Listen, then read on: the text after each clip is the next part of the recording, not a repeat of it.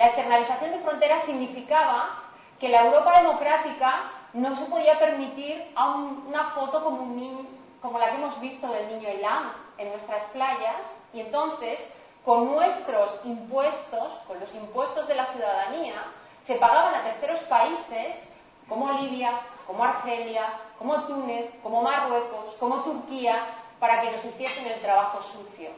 Ellos se dedicaban a controlar la frontera en nuestro nombre, ellos se dedicaban a vulnerar los derechos fundamentales y nosotros nos dedicábamos a darles dinero sin pedirles a cambio que pudiese eh, controlar lo que se estaba haciendo. Escolta'm l'activista Elena Maleno de Caminando Fronteres, que ha obert el Prat les terceres jornades de ciutats defensores pels drets humans. Ha estat el cèntric juntament amb el pare Pedro, que treballa ajudant també als emigrants centroamericans que creuen Mèxic per arribar fins als Estats Units. Tots dos han participat al col·loqui sobre la lliure circulació de les persones, un dret fonamental recollit en la Declaració Universal dels Drets Humans i que es vulnera constantment a molts països del món. Ha seguit aquesta primera jornada de favor dels drets humans la nostra companya Elisenda Ariza. Molt bon dia, Elisenda. Bon dia. Elena Maleno viu a Tànger des de fa 15 anys i treballa amb els immigrants que intenten creuar la frontera entre Espanya i el Marroc, tant a Ceuta com a Melilla.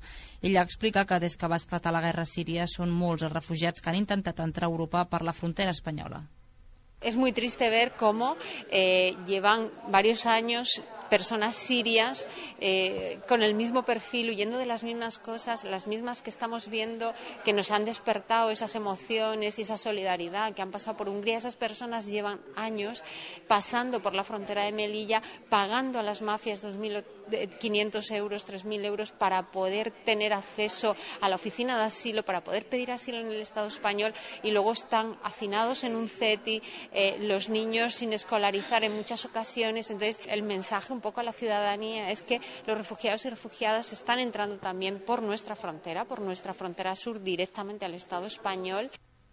Refugiats és un terme molt ampli, també ho són les persones que han de fugir per la seva orientació sexual o les dones que fugen de la violència sexual.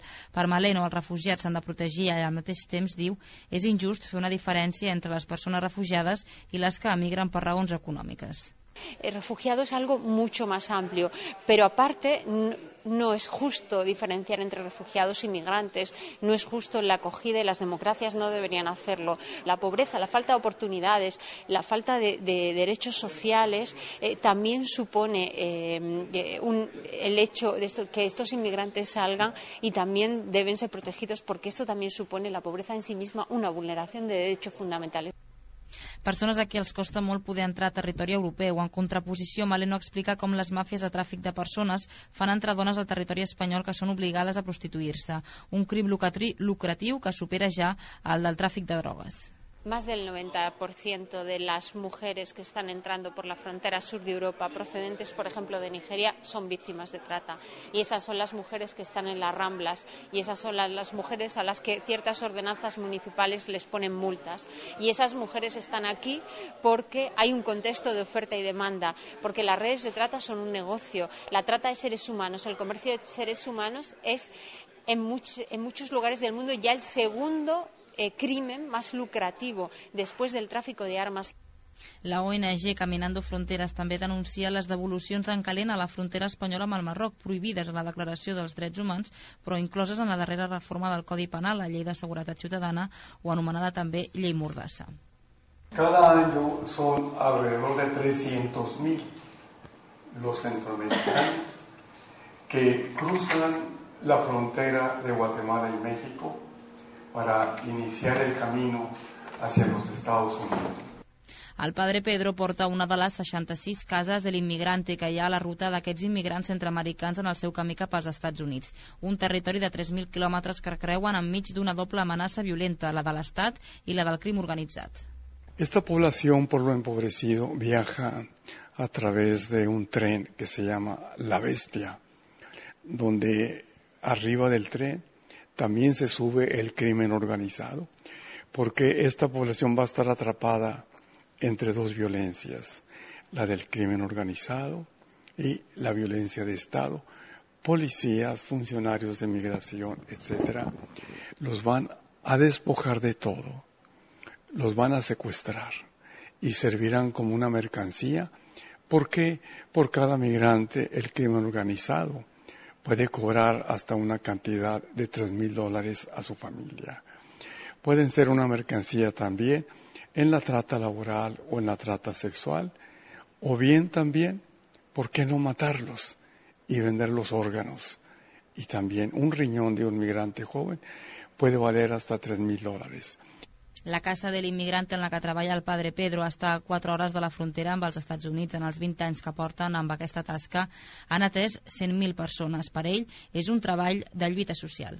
No somos filantrópicos de ninguna manera, somos defensores y vemos esto como una lucha social, porque no solamente tienen su protección de acción humanitaria, sino también la cuestión de la salud. Tenemos atención jurídica, atención humanitaria en cuanto a lo psicológico, eh, atención también cuando ellos deciden quedarse en México, los procesos regulatorios, ¿verdad?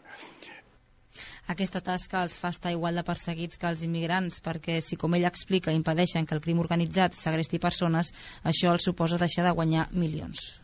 El que yo proteja a esta población migrante es quitarle la mercancía al crimen organizado. Entonces, es quitarle los millones de dólares que ellos ganarían secuestrando migrantes. Entonces, establecemos una lucha frontal. Todas las casas estamos amenazados de muerte.